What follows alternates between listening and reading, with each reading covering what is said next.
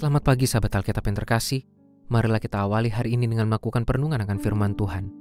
Bacaan Alkitab kita pada hari ini berasal dari kitab Amsal pasalnya yang ke-14 ayat 1 sampai 5. Perempuan yang bijak mendirikan rumahnya, tetapi yang bodoh meruntuhkannya dengan tangannya sendiri.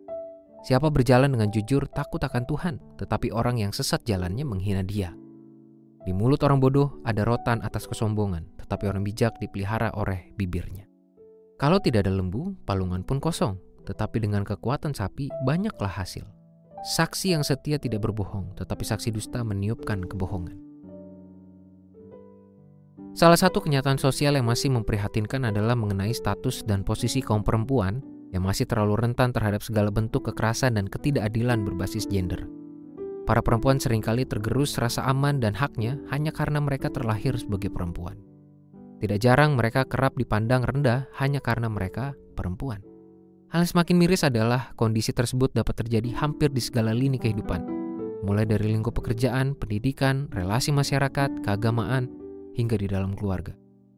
Berkaitan dengan kondisi di atas, syair pembuka dalam Amsal 14 justru menempatkan peran perempuan pada posisi krusial dalam hidup sebuah keluarga.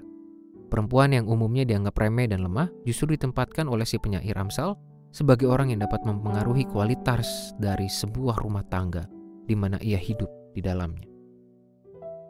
Kebijaksanaan perempuan akan menghasilkan kekokohan rumah tangganya, sedangkan kebodohannya akan membawa kehancuran. Pentingnya peran ini semakin dipertegas melalui cara penyair Amsal membandingkannya dengan peran dari lembu yang kuat yang akan melimpahkan hasil panen dan begitu pula sebaliknya. Melalui perbandingan ini, si penyair tidak berarti sedang menyetarakan status perempuan dengan hewan, melainkan menekankan esensi dampak yang ada di dalamnya. Penyair Amsal memang tidak hanya spesifik membicarakan peran perempuan dalam teks bacaan hari ini. Ia juga membicarakan perihal kejujuran, sikap takut, dan hormat akan Tuhan. Oleh sebab itu, merupakan hal yang menarik ketika ia membicarakan peran perempuan dengan kualitas hidup manusia yang takut akan Tuhan, yang menunjukkan bahwa semua hal tersebut merupakan hal penting yang tidak semestinya luput dari perhatian setiap orang yang hidup sebagai umat Tuhan. Kehadiran peran perempuan dalam syair Amsal ini juga membawa kita pada sebuah permenungan, bahwa terkadang cara hidup dunia yang salah sering kali mengerdilkan kualitas dan nilai diri kita. Meski pada idealnya kita memiliki dampak yang begitu bernilai untuk dibiarkan begitu saja. Marilah kita berdoa.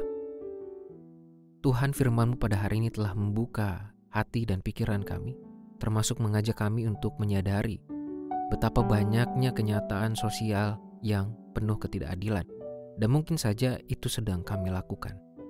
Salah satunya adalah mengenai peran perempuan, yang meskipun firman Tuhan begitu menekankan kualitas peran perempuan termasuk dalam syair Amsal ini.